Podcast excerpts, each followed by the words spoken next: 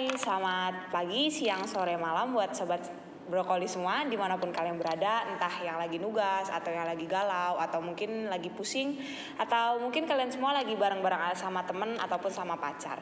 Oke ngomongin tentang teman sama pacar pernah nggak sih kalian semua itu ngerasa kalian itu punya perasaan uh, punya kewajiban untuk uh, menyelesaikan masalah yang ada pada teman kalian atau pada pacar kalian? Oke, berkaitan dengan hal itu, aku Najwa dan aku Laura. Hari ini bakal sama-sama membahas tentang Savior Complex atau bisa juga dibilang superhero syndrome. Nah, sebelum kita masuk nih kepada pembicaraan kita hari ini, aku mau membacakan quote dari Orly Levi Uh, itu kata-katanya loving someone doesn't mean fixing their problems. It means deeply listening to them where they are and who they are in the moment. Jadi mencintai seseorang itu nggak nggak nggak maksudnya itu bukan menyelesaikan masalah mereka, tapi cuma kita mendengarkan mereka secara mendalam uh, di mana pun mereka berada dan siapa pun mereka pada saat itu. Nah, kalau menurut Kak Laura sendiri nih, um, pernah nggak sih Kak Laura itu punya suatu pengalaman terkait loving someone and trying to fix them? Gak harus uh, sebagai pasangan sih mungkin hubungan pertemanan. Apakah kak, Laura pernah mengalami hal seperti itu Kar, uh, kayak karena begitu sayang sama orang sampai ingin andil dan mencoba menyelesaikan permasalahannya atau ingin mengubahnya menjadi lebih baik karena rasa sayang kalian yang begitu besar sama dia pernah nggak kak?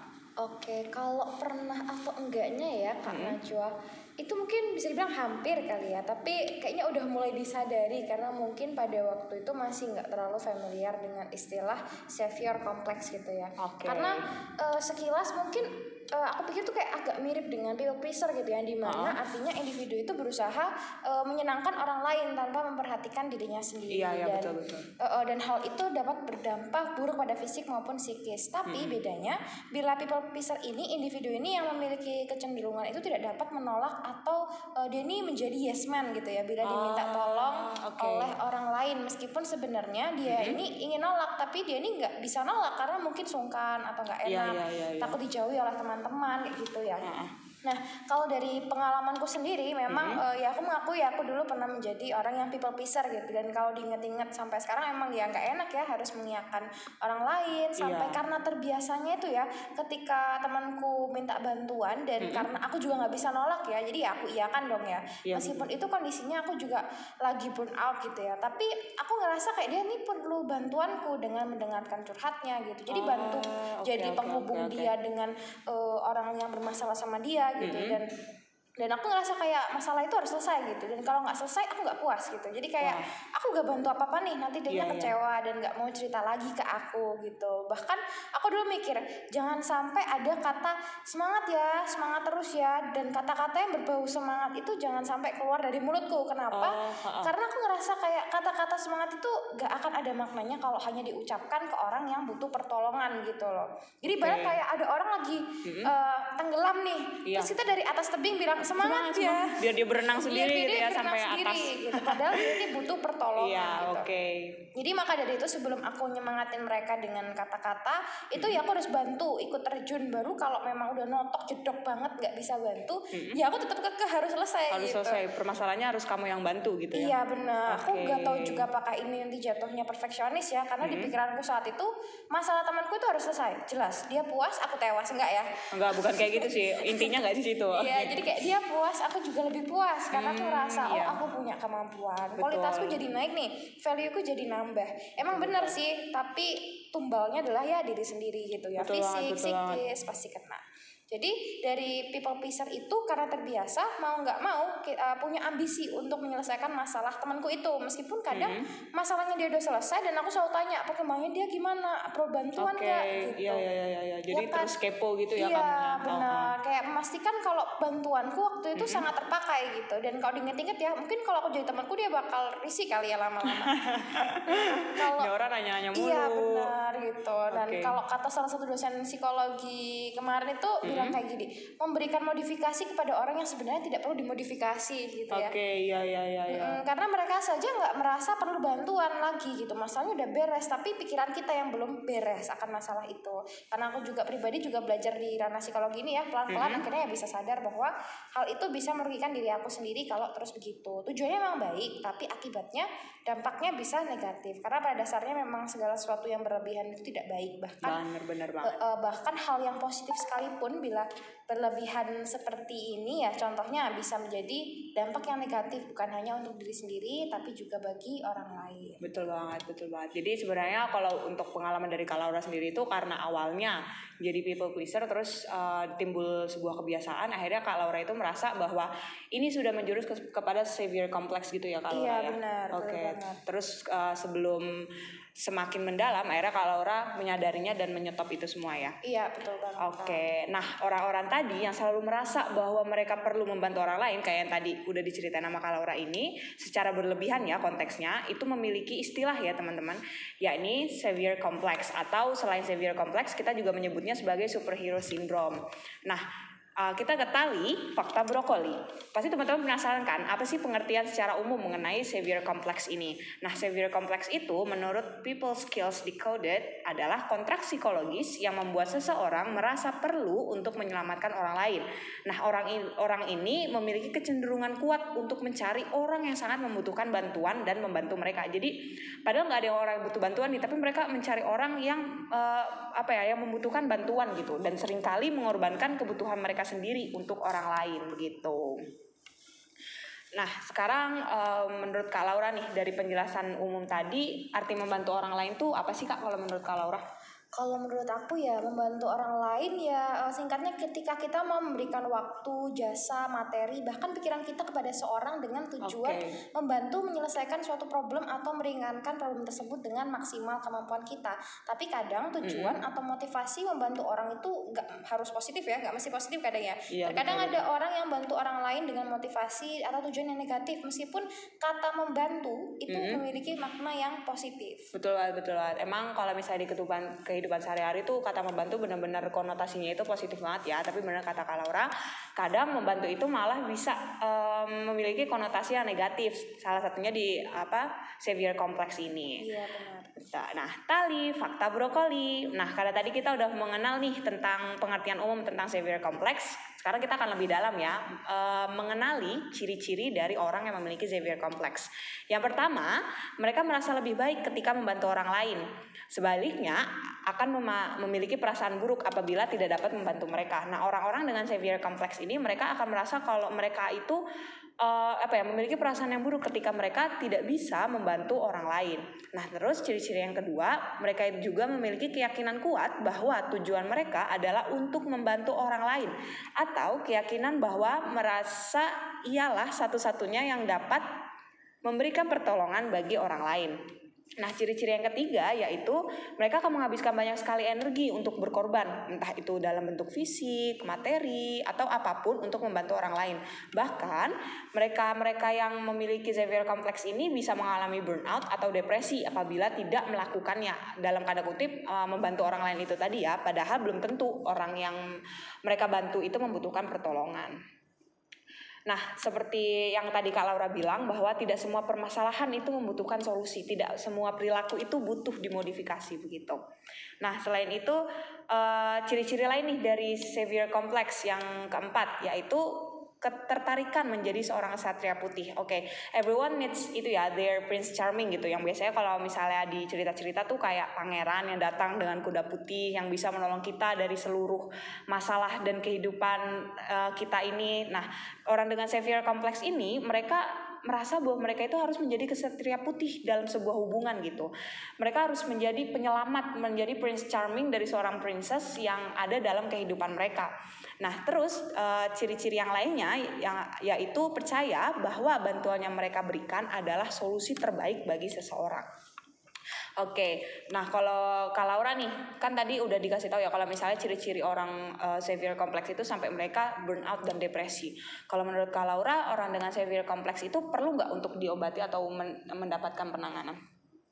Uh, padahal kan uh, seperti yang kita tahu mereka kan berbuat baik kan, mereka menolong orang dan mereka membantu menyelesaikan permasalahan orang. Tapi apakah perlu untuk mendapatkan penanganan severe kompleks ini?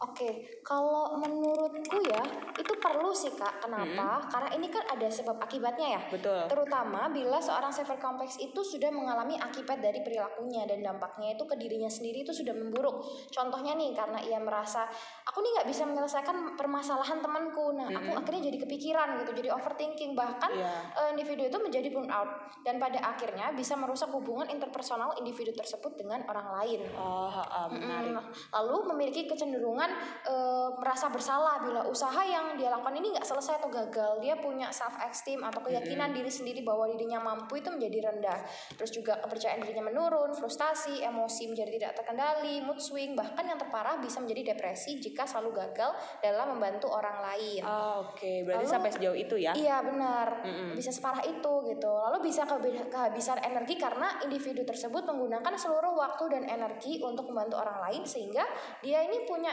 uh, energi yang sedikit buat dirinya sendiri kayak kata Kak Nana tadi ya. Oke, okay. ya ya ya ya. Nah, dan bila terjadi hal seperti tadi itu jadinya malah individu tersebut yang butuh pertolongan ya alih-alih dia harus menolong orang lain Betul. gitu ya. Niatnya membantu malah ternyata perlu dibantu. Iya, benar. Jadi menawarkan bantuan pada orang lain yang sedang kesusahan sebenarnya ya boleh-boleh aja ya, asal sesuai dengan kemampuan kita dan pastikan mm -hmm. juga bantuan yang dilakukan itu sifatnya sukarela dan gak maksa gitu ya, pagi sampai mengharapkan imbalan atau validasi yang berlebihan dari orang lain sampai eh, membuat orang lain itu merasa tidak nyaman kak. Oke ya ya ya. Jadi emang kadang tuh beberapa orang membantu karena butuh validasi juga ya berarti. Iya benar. Oke. Tali fakta brokoli. Tadi selain ciri-ciri kita juga mau ngasih tahu nih kepada sobat brokoli dampak buat orang-orang yang mempunyai severe complex. Yang pertama itu mereka akan mengalami kelelahan. Pastinya ya kayak kata Kak Laura karena kita udah menghabiskan seluruh energi, selalu seluruh pikiran, materi, tenaga untuk orang lain. Apabila tidak dapat memberikan bantuan dengan baik atau mendapat penolakan gitu. Terus yang ke selanjutnya hubungan secara sosial uh, memburuk. Tadi Kak Laura juga udah menyinggung sedikit kalau misalnya Uh, misalnya tadi mereka mengalami kegagalan, akhirnya kan uh, entah itu nanti akhirnya masalah menjadi semakin buruk atau ternyata mereka tidak malah membantu malah memperkeruh keadaan, akhirnya hubungan secara sosial malah memburuk nih. Nah selain itu, ya? uh, betul banget, interpersonalnya malah jadi buruk kepada orang yang tadinya diniatkan untuk dibantu. Nah terus selain itu dampak buruk yang lainnya yaitu frustasi dan emosi tak terkendali. Nah ini terjadi karena adanya sense of failure. Kalau tadi kata Kak Laura karena mungkin dalam membantu seseorang itu malah kita gagal dalam membantu. Akhirnya kita merasakan sebuah kegagalan. Loh aku gagal nih menolong si A atau eh aku ternyata nggak maksimal nih membantu si B. Akhirnya kita frustasi dan emosi kita menjadi tak terkendali. Lalu um, selain itu dampak bagi orang dengan severe complex adalah self esteem mereka menjadi rendah. Kenapa nih? Karena perasaan sense of failure tadi. Mereka uh, sense of failure yang ber, yang berulang itu akan menjadikan harga diri mereka yang menurun. Gitu Nah, uh, aku akan baca, aku akan menceritakan nih salah satu kasus, um, salah satu kasus uh, dari People Savior itu sendiri. Kisah dongeng yang buruk, ya ini seorang gadis yang melakukan hal-hal baik dan membantu orang lain dengan harapan ia akan memperoleh kebaikan yang sama dari orang tersebut. Jadi um, kita semua kan selalu berpikiran kalau kebaikan kita akan dibalas dengan kebaikan lainnya ya. Ia memberikan pertolongan. Nah di sini uh, gadis tersebut memberikan pertolongan pada laki-laki yang ia cintai dengan membantunya melunasi hutangnya, memberikan nasihat dan sampai mengeluarkannya dari permasalahan yang dialami sang lelaki tersebut.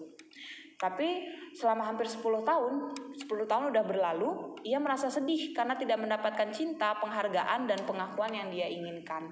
Nah, dari cerita ini akhirnya sang gadis itu setelah membantu laki-laki tidak mendapat apa-apa padahal dia sudah menghabiskan pikiran, tenaga sampai materinya untuk sang lelaki, tapi apa 10 tahun berlalu dia tidak mendapatkan apa yang dia inginkan gitu.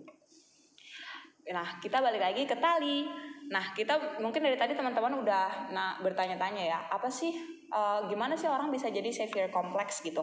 Apa sih yang menyebabkan seseorang itu menjadi uh, ingin terus membantu orang lain? Salah satunya itu karena adanya emotional trauma. Emotional trauma itu seperti pernah mengalami rasa sakit atau permasalahan serupa sebelumnya sehingga ada rasa empati nih. Misalnya aku pernah mengalami B, terus aku bertemu dengan A, A ini juga mengalami B. Akhirnya tumbuhlah rasa empati yang secara nggak sadar itu hadir di dalam hati kita. Empati itu begitu besar sekali kepada orang yang tengah menderita dan akhirnya kita ingin untuk menyembuhkan luka itu karena apa? Kita pernah survive di masalah yang sama atau selain itu kita memiliki trauma yang belum terselesaikan di masa lampau begitu. Nah, oke. Okay. Sebenarnya kalau menurut Kak Laura sendiri nih, kan tadi um, dari yang aku bacain itu karena adanya emosional trauma nih. Kalau hmm. menurut Kak Laura sendiri, apa ya penyebab orang yang mengalami atau yang mempunyai severe complex ini? Oke, kalau aku pribadi setuju ya sama yang tadi dibilang sama Najwa ya. Mm-hmm. Kalau yang aku lihat juga ada dua tipe orang yang di mana saat dia pernah mengalami suatu kejadian yang tidak mengenakan atau suatu problem itu ada dua tipe. Tipe mm. yang pertama adalah karena aku pernah mengalami hal itu, aku nggak mau orang lain mengalami juga. Betul, karena ada rasa empati iya, tadi ya. Benar. Hmm. Dan tipe yang kedua adalah karena aku pernah mengalami hal itu, orang lain harus mengalami apa yang aku rasakan. Wah. Nah itu okay. ada dua tipe ya. ya, ya nah ya, ya. biasanya itu kan terjadi di ya mungkin kalau kak Najwa tahu kayak perkuliahan gitu ya, Betul. ya, kayak masa-masa penerimaan mahasiswa baru.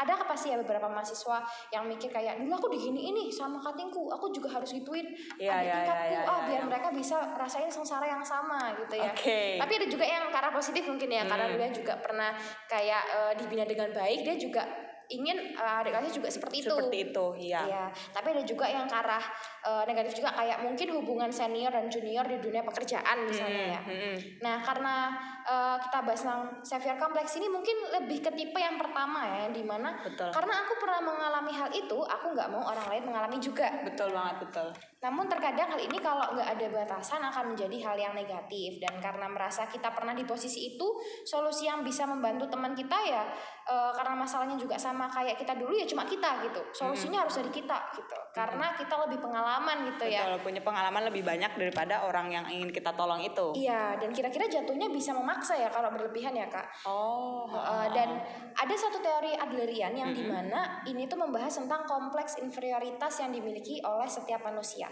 Jadi kompleks inferioritas sendiri itu manusia itu harus melihat sebagai suatu individu yang utuh. Hmm. Nah, Adlerian ini menyatakan bahwa manusia itu lahir dengan perasaan inferior. Oke. Okay. Dan seiring berjalannya waktu pun rasa inferior manusia itu bisa muncul ya di usia-usia yang lebih dewasa. Contohnya nih, uh, Kak Nana pernah ngerasain insecure nggak akan hal-hal yang ada dalam diri kakak? Pernah banget dong, pasti. Semua orang punya kekurangan kan dalam diri mereka. Nah, itu yang dinamakan inferioritasnya gitu. Ah, oke. Okay. Dan akhirnya ketika uh, manusia ini berusaha mencari cara untuk mengatasi rasa inferior, inferior itu, itu uh, dengan berusaha menjadi superior.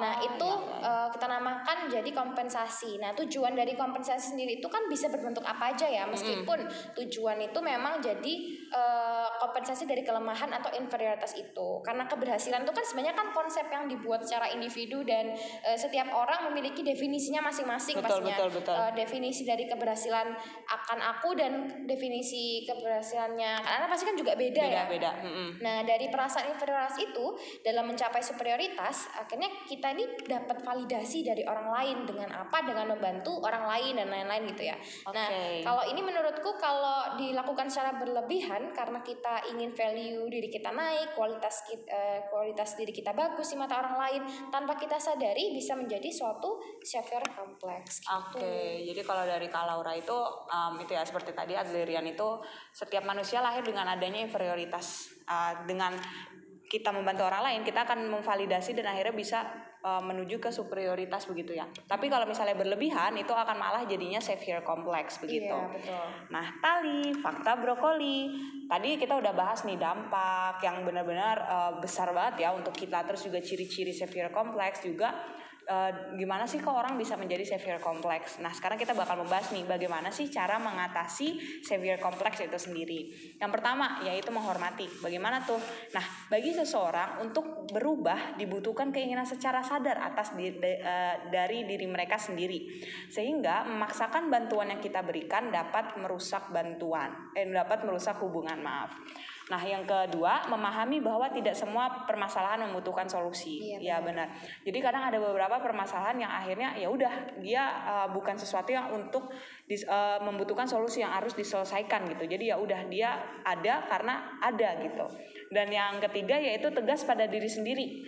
Nah, tegas dengan diri sendiri itu bisa dengan menanyakan pada diri kita seperti apakah tujuan membantu untuk membuat mereka merasa lebih baik atau justru untuk membuat diriku lebih baik Nah, terus yang kedua, apakah aku dipersilahkan untuk membantu mereka atau dimintai saran oleh mereka? Ini juga termasuk hal yang penting ya, karena membantu orang itu kalau menurutku perlu concern ya dari pihak yang akan kita bantu. Karena kita nggak mungkin kan ya kalau orang ujuk-ujuk kayak, eh kamu mau aku bantuin nggak? Sini aku bantuin. Jadi kan perlu ada concern dari kedua belah pihak. Jadi Iya, benar banget. Iya, jadi kalau misalnya em, orang yang kita bantu itu mempersilahkan kita untuk membantu atau memberi saran, itu baru kita boleh untuk membantu.